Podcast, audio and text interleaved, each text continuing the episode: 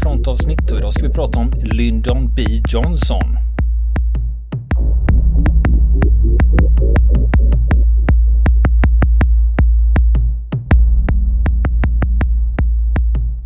Har du Niklas? Lyndon B. Lyndon B Johnson. Just det, just det. Vietnam är det första man tänker på med Lyndon B. Men eh, då var han ju president. Just det. Och det är ofta när vi tar upp eh, personer så har det ju ofta med, Ja. när vi tar upp det så har det alltid med krig att göra. Ja visst, och McNamara och Ja. gänget då. Ja, och det var ju så att eh, Lyndon B Johnson, han blev ju president 22 november 63. Mm. Av en viss anledning. Av en viss anledning. Det var att John F Kennedy mördas i Dallas Mm. Just vid det, lunchtid på Daily Plaza. Just det. Och det ska vi inte gå in på för det finns så mycket, eh, eh, mycket, teorier Ja. och konspirationer kring det. Ja, precis. vi, vi lämnar det där hem marin, marinkårens skytteutbildning och sånt, det får vi prata om en annan gång. Ja, precis. Eh, Vi, vi släpper det, men det finns allt, eh, all anledning att komma tillbaka till det om man Mm. då pratar om skyttebedrifter då. Just det. Men- vi, har inte, vi har inte foliehattarna med oss idag. Nej, men vi, vi gör ju å andra sidan så här att när, när det finns massa olika teorier så presenterar vi ju de teorierna som finns och så får ju lyssnarna själva bestämma Mm. vad de tror på. Så vi Ja. lägger ju ofta ingen värdering Vi i. tar inget ansvar. Nej, men... vad kallar- Som vissa sajter på nätet. Nej, vi opartisk. tar inget ansvar. Vi... Opartisk Ja, ska man vara. Och saklig och opartisk. Då Ja, precis. precis. uppfyller vi det. Mm. Jo, eh, och nu är det Lyndon B Johnson. Han satt ju faktiskt ända fram till 1969 också. Mm. när Nixon tog över. Så han var ju president under eh, eh, mer än en mandatperiod i alla fall. Ja, precis. Och precis som du nämnde, han förknippades ju väldigt mycket med Vietnamkriget. Mm. Och han var ju president under första halvan av det fram till 69. Sen eh, Nixon ärvde ju det kriget sen. Just det. Och eh, han, eh, Lyndon B Johnson, det, inte, det här är han inte känd för, men han lämnar efter sig många minnesvärda citat. Eh, och ett av dem, min favorit, det, det, det är det här. Han, eh, Lyndon B Johnson säger så här. Om jag en morgon skulle promenera tvärs över Potomacfloden, då skulle löpsedeln bli Presidenten kan inte simma. Liksom- han tycker liksom det spelar ingen roll vad jag gör. Det blir Medierna, fel ändå. Ja, medierna kommer att vara på mig ändå. Ja, precis. Men, men egentligen, det är inte det citatet han är mest känd för, utan det mest kända citatet, det är innan Vietnamkriget när han säger jag tänker inte skicka amerikanska pojkar 9 eller 10 000 miles för att göra något som de asiatiska pojkarna borde klara av själva. Mm. Ja. Och nu vet jag att majoriteten av våra lyssnare känner igen det här citatet. För vad är det man har hört det någonstans? Jo, det förekommer i Full Metal Jacket när tv-teamet är i staden Hue och intervjuar marinsoldaten och den som säger, är det okej om jag citerar Lyndon B. Johnson? Just det. Just det. Och då drar han det citatet då. Men Johnson själv, Vi han, har ju en egen variant av det. Men vad sa du? vi har ju en egen variant av det. Fast det är ju Torbjörn Fälldin och han, när han inte skulle ladda kärnkraftverken. Ja, just det, han vägrar ladda kärnkraftverk. Ja, Ja, också sådana här saker man får äta upp. Precis. Men Lyndon B. Johnson och krig, anledningen till att vi pratar om honom, det är att han är en dekorerad krigshjälte. Just det. Och han fick en Silver Star under andra världskriget. Och i det här avsnittet ska vi berätta hur det gick till. Och när man då tänker om en Silver Star, var ligger det någonstans liksom i, i nivå? Och det är alltså den tredje högsta utmärkelsen du kan få i USA för tapperhet. Den högsta är ju Medal of Honor. Mm. Och sen på tredje plats då så kommer Silver Star. Just det. Och under andra världskriget, då sitter han i kongressen i representanthuset. Och han var född 1908, så han är 33 år när Pearl Harbor inträffar. Och då hade han varit reservofficer i flottan sedan juni 1940. Och han, han var ju ganska slipad politiker, så han fattar ju direkt att ska man satsa på en hög post inom politiken, då gäller det att spela sina kort väl om man vill ha politiska poäng på det här som man kan använda sig av i framtiden då. Just det. Och han var faktiskt den första kongressledamoten att anmäla sig som frivillig efter eh, Pearl Harbor. Och hans första uppdrag det blev att in, eh, inspektera eh, skeppsvarv i Texas och på västkusten. det, var hans första bidrag då till krigsinsatsen. Han var ju, Hjäl hjältemodigt. ja, han var ju 33-åring och, och Ja, han var ja. 33 år officer dessutom. Ja, så det var sådana uppdrag han, han fick då. Just det. Men till slut då, en bit in, det, det håller han på med då under eh, en bit under 1942 där.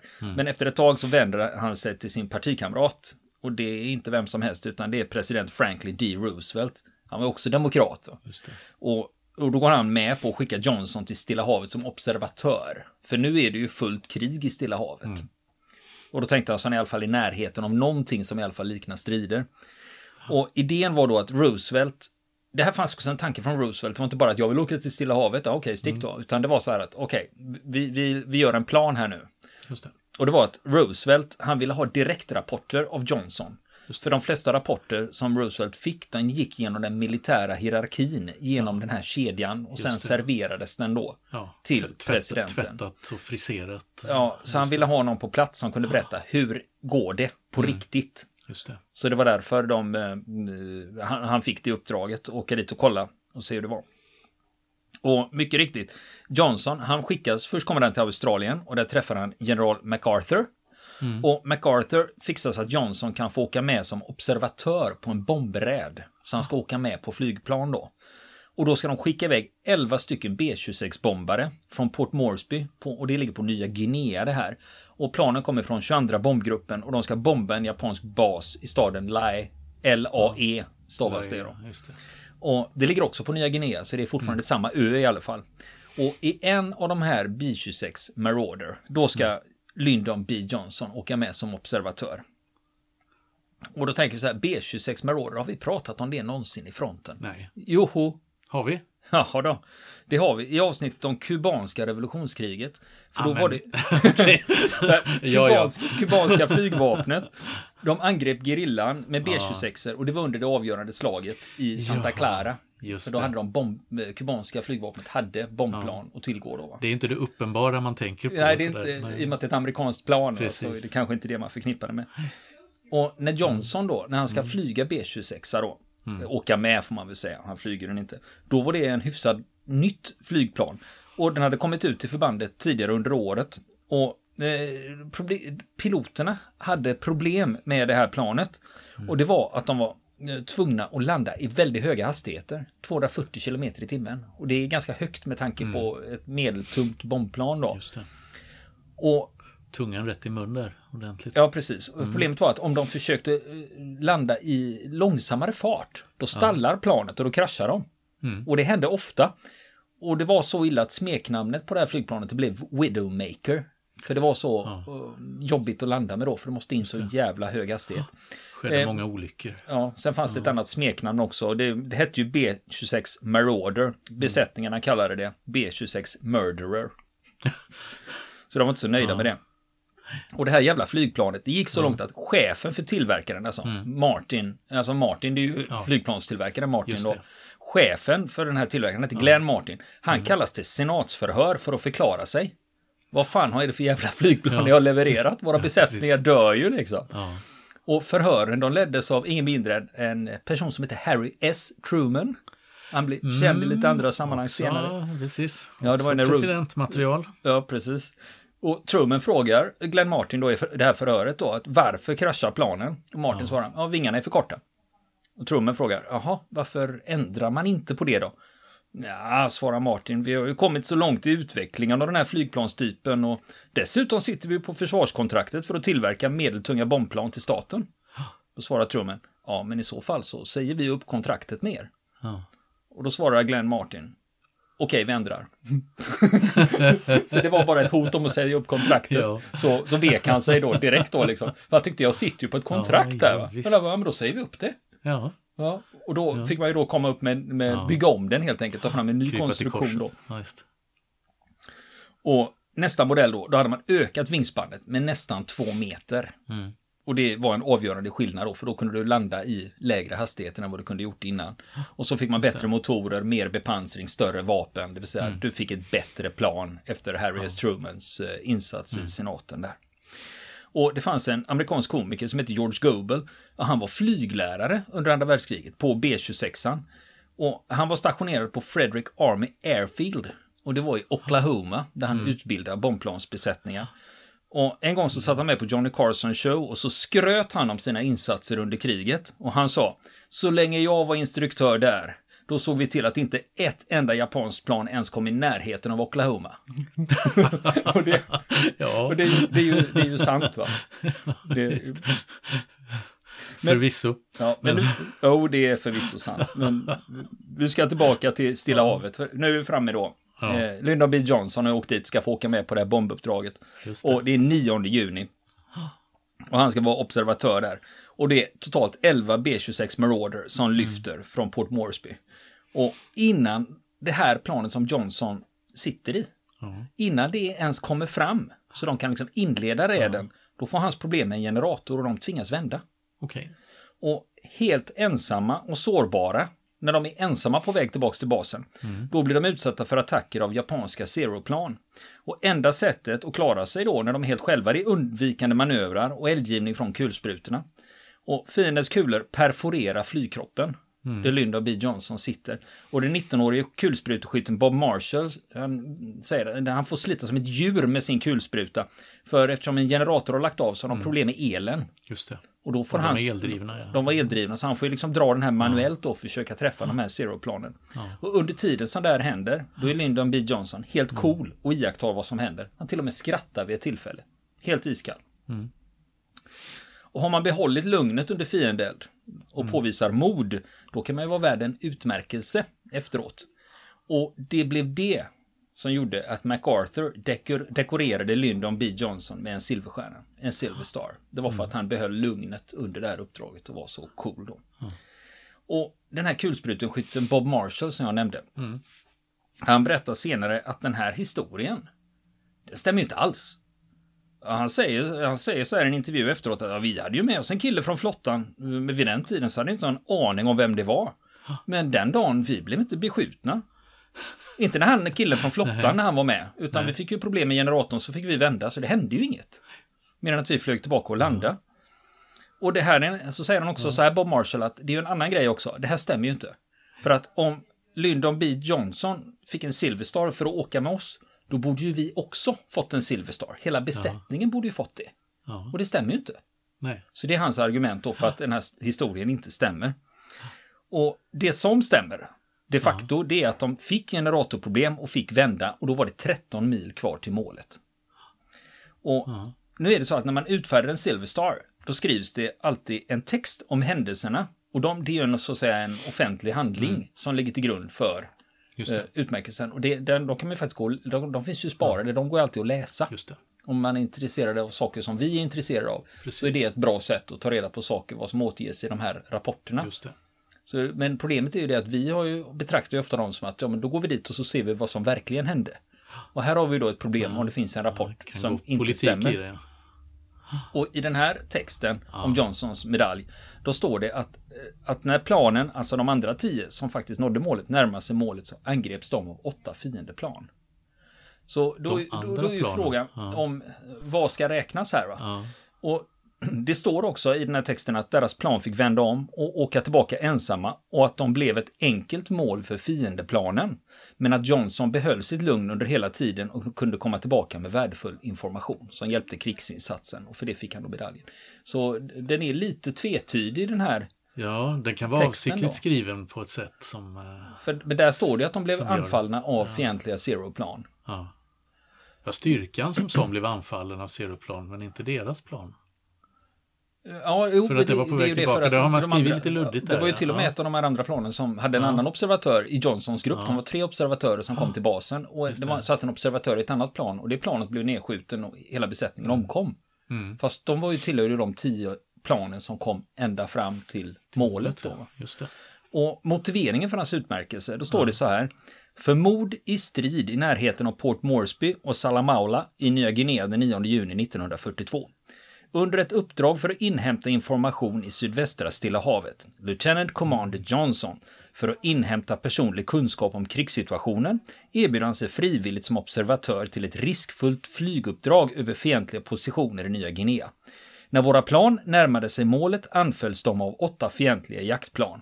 Vid den här tidpunkten så får planet som Johnson sitter i tekniska problem och tvingas återvända ensamt, vilket blev en självklar måltavla för de fientliga jaktplanen. Johnson behöll bevisligen sitt lugn trots den stora fara som han svävade i. Hans modiga beteende gjorde att han kunde komma över och förmedla viktiga underrättelser. Just det. Så enligt Ja. den officiella texten så är det det här som har hänt då. Ja. Och det är det som gör att han får en Silver Star. Och eh, Men vad är det för viktiga underrättelser när du inte kommit fram till målet? Utan det kan man ju undra då också. Vad, vad, vad är det då? Handlar det om väderobservationer eller vad är det frågan om? vara fientliga positioner på marken. Jag har eh, inte en Ja. aning. Nej, Men samma dag som Johnson får sin Silver Star, då får en annan observatör Distinguished Service Cross. Och det är en ännu högre utmärkelse. Och det var ju den observatören som satt i ett annat plan som blir nedskjuten. För han får den postumt då. Postumt säger man kanske. just det. Och det som är spooky är, det är Ja. att det är planet som sköts ner. Mm. Det var egentligen det planet som Johnson skulle åka med. Men det blev en förskjutning i tidplanen där, Ja. för Johnson skulle på toaletten.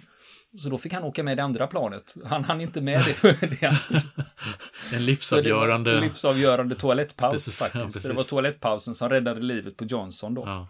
Kan, man- skulle man kunna sett en kvällstidningsrubrik? Liksom. Och de som håller på och rotar i det här ärendet, de är väldigt Ja. intresserade av tidsangivelserna då. Just det. För det loggas Det blir som ju. en brottsutredning nästan. Ja, ja visst. Vem, Och, och det är ju så att det finns ju... hur långt det och finns var ju, var de? Ja, det finns ju två läger.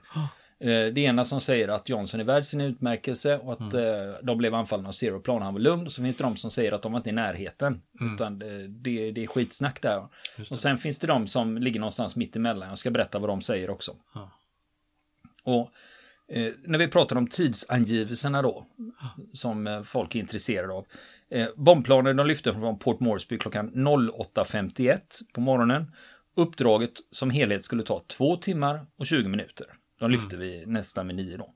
Och den här attacken, när de ska släppa bomberna över den fientliga basen, då ska klockan vara 10 och 10. Och Johnsons B26 landar klockan 10.08. Alltså två minuter innan de ens ska ha kommit fram till målet. Så har de redan hunnit flyga en bit och tillbaka då. Och enligt de som betvivlar utmärkelsen så är det uppenbart om man ser vilken tid som planet, det hette, eller en del plan hade ju egna namn Just som det. besättningarna, det hette Heckling Hare. Mm. Och de kan omöjligt ens ha varit i närheten av fientligt område. Om de lyfter 8.51 och landar 10.08, då är det bara att sätta sig med en linjal Ja, och räkna ut hur långt de har kommit. Då. just det. Och då säger de att det finns ju inte en chans i helvete att de ens har varit i närheten av någon. Då. va? Men sen har vi en annan grej också, när man då går till källorna och tittar vad som finns. Och då är det eh, Johnsons eh, dagbok, för han förde dagbok när han var i Stilla havet. Och den 9 juni 42, då står det så här i hans dagbok, om den här flygturen då. En generator dog, besättningen ville fortsätta. I 30 minuter flög vi på bara en generator. Vi skulle släppt bomberna klockan 10.10. Klockan 9.55 vände vi. 9.58, upphunna av Zeros. Ledaren Andy fick tre och antagligen ytterligare en. B25 fick två och våra jaktplan fyra. Totalt nio Zeros. Men när han hänvisar till ledaren, då är det ju ett annat flygplan Just det. Just det. som han hänvisar till. Vilka det var som sköt ner Ja. Zeros. Och om de då hade vänt, och då, då kommer ju nästa fråga här då. De vänder ju innan de är framme. Innebär det då att den, så ändå låter det som att de är i en samlad styrka. Jag menar de andra planen kan ju inte ha bombat, hunnit sticka tillbaka och sen blir styrkan upphunnen. Nej, nej. Nej. Det är ju... Så ja, det är mycket konst- det, ja, det, är lite, tve, konstigheter i det. tvetydigheter Ja, i det. Och de som står på LBJs sida, de Mm. anser att hans dagboksanteckningar, det, det räcker va? Som Mm. bevis för att detta har hänt, han förtjänar sin Silver Star. Just det, man ska tro på allt vad en politiker säger. Det. Ja, och sen har vi tvivlarna då. De säger att nej, men det här beskriver ju händelserna för de andra tio planen som Mm. fortsatte.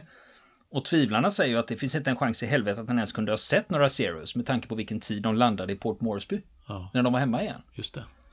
Och det finns ett annat vittne som uttalar sig eh, om det här och det var CNN höll på att rota i det här för flera år sedan. Och eh, den här, det här vittnet då, han heter Albert Tyree och han var radiooperatör och kulspruteskytt på en av de B26 som var med i räden. Det var så inte samma plan som Johnson då. Och på frågan om Johnsons plan vände tillbaka innan de blev beskjutna så svarar han ja, jag såg det vända. Och ni var inte beskjutna då? Nej, ingen av oss var beskjutna då. Vi blev inte utsatta för eld förrän vi närmade oss den japanska flygbasen Lae, den japanska flygbasen. Och hur säker är du på att Johnsons plan inte blev beskjutet? Jag är helt säker, för vi blev inte beskjutna förrän precis innan vi skulle släppa våra bomber. Nej. Så att, och det är ju ett vittne som faktiskt befann sig på platsen, som har något att säga då. Just det. Och när plan landar så brukar de undersökas och alla skador dokumenteras till rapporterna. Ja. Man, efter rapporten så gör man en Ja, eh, after action report då liksom och skriver vad som har hänt och eh, vad man har förlorat och sånt.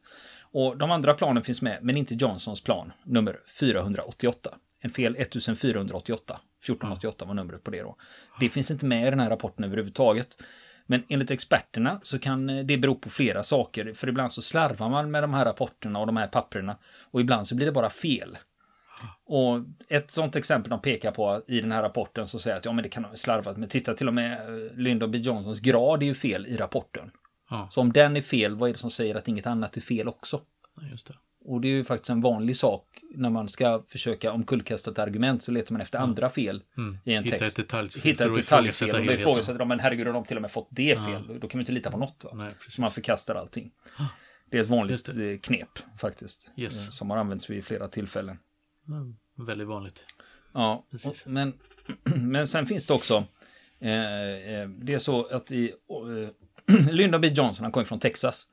Och i staden Austin i Texas, där finns eh, ett bibliotek som heter Lyndon B Johnson-biblioteket. Och där är hans dokument och anteckningar samlade då. Och i det här biblioteket, slash arkivet, där finns det ett dokument daterat 15 juli 1942. Och det här är alltså lite mer än en månad efter räden. Och det är skrivet på LBJs officiella brevpapper och det är adresserat till krigsdepartementet. Och i det brevet står det så här. Jag borde inte och jag kan inte acceptera en utmärkelse för den lilla roll jag spelade. För att endast en kort tid fick jag lära mig och förstå vilka problem de står för hela tiden. Den kyla som jag beskrivs ha haft, det beror enbart på att jag litade totalt på den besättning som jag flög med. Att se den stridande besättningen rädda sitt skadade plan, trots att de gensköts av flera fientliga plan, som var många fler än oss.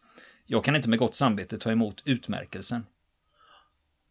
Men, det här brevet är inte undertecknat och det är heller aldrig skickat till krigsdepartementet, utan man har hittat det i hans arkiv.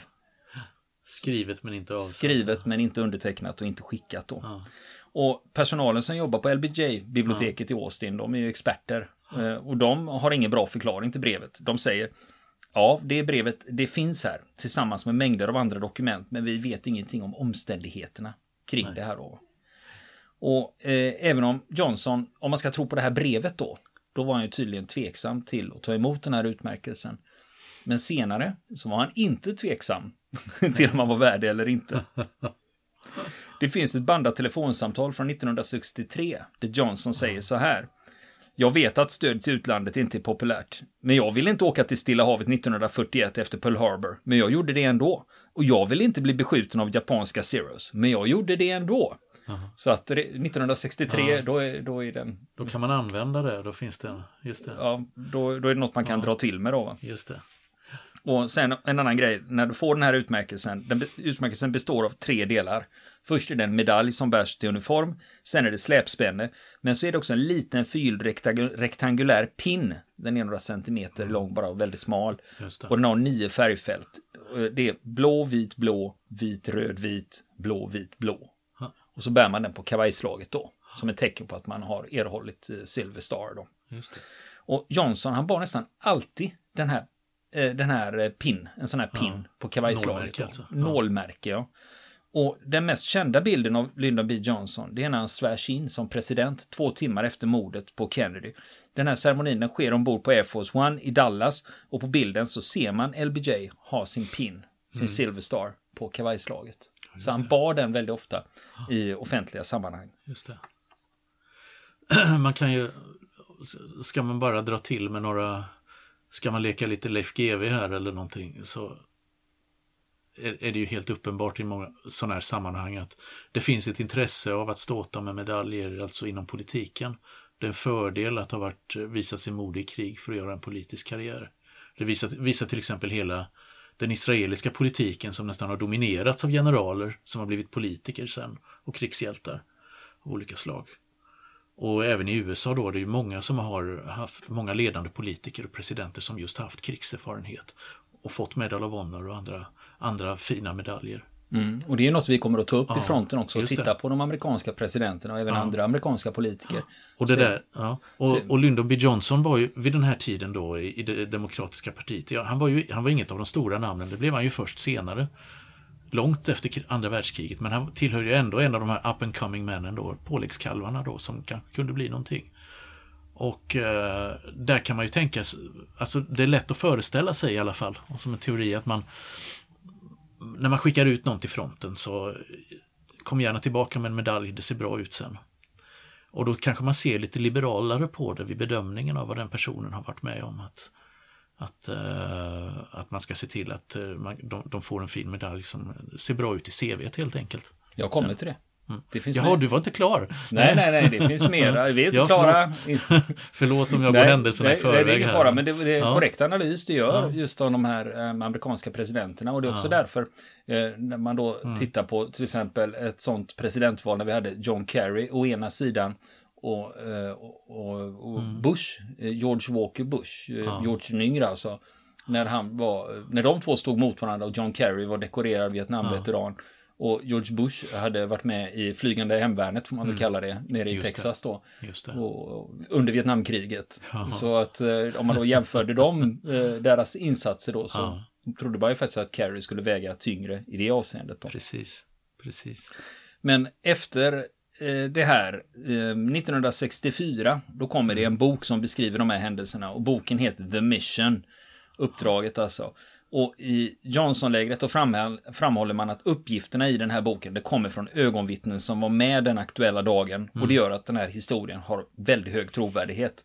Så det är den här boken, The Mission, liksom, som har satt standarden för så här gick det till. Ja, ja. Och kritikerna till den här boken, de säger att ja, men, de två veteranerna som författarna använde som källor, en av dem var ju beredd att säga vad som helst för att få två minuter i rampljuset. Och den andra var efter kriget aktiv i Demokratiska partiet i Chicago. Och skulle då av lojalitet gentemot Johnson säga vad som helst för att inte svärta ner bilden av sin partikollega. Så det är det kritikerna använder som argument då. Det finns en historiker som har skrivit biografier om Johnson som heter Robert Dalek. Och enligt honom så handlade hela den här grejen mer om politik än om mord.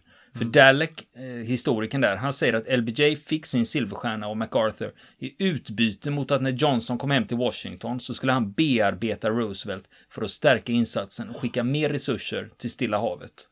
Till kriget där. Aha. Så att det fanns en, okej du får en Just. Silver Star, men då förväntar jag mig fan med att du jobbar för mig i Washington. Just det. Just det. Att det var en sån Ja, en politisk kohandel. medalj där. Ja, just det.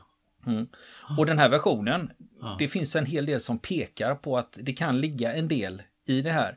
För när Johnson kommer tillbaka till Washington, då sätter han fan med igång. Han kontaktar ledningen för flottan, kongressen och president Roosevelt.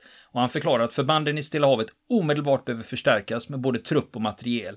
Och kriget i Stilla havet måste få högre prioritet. Han berättar att de flygplan som skickas dit är underlägsna de japanska och att det är låg moral bland de amerikanska soldaterna. Och att Stilla havsflottan omedelbart behöver förstärkas med 6800 erfarna soldater. Minst. Och Johnson, han tog till och med fram ett 12-stegsprogram hur man ska stärka insatsen i Stilla havet. Och resultatet blev att Johnson, han fick leda en kommitté för att effektivisera och ge resurser till striderna där. Så bland teorierna finns det inte bara två läger, att det här har hänt, det här har inte hänt.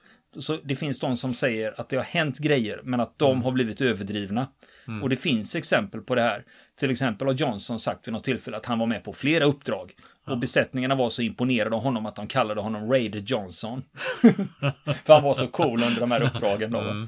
Och det, det, han var med på ett uppdrag. Ja. Ja, och vill ni se Johnsons silverstjärna så finns den för allmän beskådan och det är på LBJ-biblioteket i Austin i Texas. Och sen är det inte bara en Silver Star han har fått då. Eftersom han har varit i tjänst i ett stridsområde så fick han även American Campaign Medal, Asiatic Pacific Campaign Medal World War II Victory Medal. Så man, det är ju sådana man får på köpet för att ha varit Ja, med. För att ha varit på platsen i princip. Och Just det. Precis. Och sen Johnson, han avled, han avgick ju som, Mm. han förlorade ju, eller avgick, vad man nu ska säga, 1969 mot. Nixon. Och eh, han avlider 1973, bara fyra år efteråt. Och då var han bara 64 år gammal. Och det var efter att han hade slutat som president så gick han upp i vikt. Och då vägde han ett tag 107 kilo. Plus att han börjat röka igen. Och då hade han hållit upp i 15 år. Så han går upp och börjar röka. Och Ja. när han dör, då inträffar det en unik situation i USA. För plötsligt fanns det ingen levande före detta president. För Harry S. Truman hade dött det. två veckor tidigare. Roosevelt dog ju 1945 och Kennedy blev mördad 63. Och nu, nu dog Johnson. Och Eisenhower hade dött i slutet av 60-talet också. Så att det fanns ingen, för var- du vet, jag vet inte om du tänkte på när till exempel när Donald Trump svogs in som president så Ja. var ju flera gamla presidenter där. Just det, just det. Men, när, eh, men vid det här tillfället då när han dog Fanns så plötsligt fanns det inga Nej. gamla presidenter kvar. Just det. Före detta, eller ja, före detta, man behåller ju faktiskt titeln som president. Har du en gång varit president i USA Ja. så eh, har du alltid titeln presi- Mr President det. kallas det då. Once a champ, always a champ. Ja, precis. Så det kommer då, även i framtiden kommer vi få säga Mr President Trump. Oavsett vad som, vad som händer. I all evighet kommer vi få säga det. Men, eh, men om vi tittar på de amerikanska presidenterna som är i livet idag så är ju Carter, Ja. lever, Jimmy Carter, han lever fortfarande. Just. Bägge Busharna, Mm. både den äldre och den yngre, och. Obama. Mm. Eh, Reagan dog ju för inte så länge sedan. Men, eh, men när det gäller Jimmy Carter och eh, George Herbert Bush, Ja. Bush den äldre, de är gamla, de är 92 år båda två. Så nu får vi se hur länge de hänger i. I den här takt som kändisar dör så lär de väl Ja. stryka med snart. Liemannen lär Ja. gå hårt fram. Men om jag ska summera det här med LBJs silverstjärna så är det ju så att när det gäller mod, det är ju den han har fått den för. Mm. Glöm inte att han frivilligt har klivit in i en B26 med uppdrag att bomba en fientlig flygbas. Med mycket hög sannolikhet att de skulle bli angripna. Ja, Och det är ju modigt. det är modigt. Men frågan det är- inget. För det var helt frivilligt, han hade Men, inte men en behövt göra Silver det. Star, Men är det värt en Silver Star? ja, en av de allra högsta medaljerna. Liksom. Ja. det är Ja, frågan. och det får ju, det, men den, det är ju så att säga ett, en åsikt. Det är en åsikt. Och det får ju lys, varje Po- lyssnare och själv. Politik består ju av åsikter. Ja, men det får lyssnarna Ja. själva bestämma sig för om han var Just det. värd en eh, silverstjärna eller inte. Just Men det. du, men du vet ju vad man brukar säga. Det första offret i krig är den som först får en spark på kuken. Ja. Just det. Det, det kan, jag kan ha missuppfattat det ordspråket. Jag Precis. Precis. Ja. Vill ni komma i kontakt med oss så kan ni göra det via vår Facebook-sida som heter Fronten. Det är inga problem för er att leta er fram där. Eller också så mejlar ni på vår mejladress och det är frontenpodcast@gmail.com.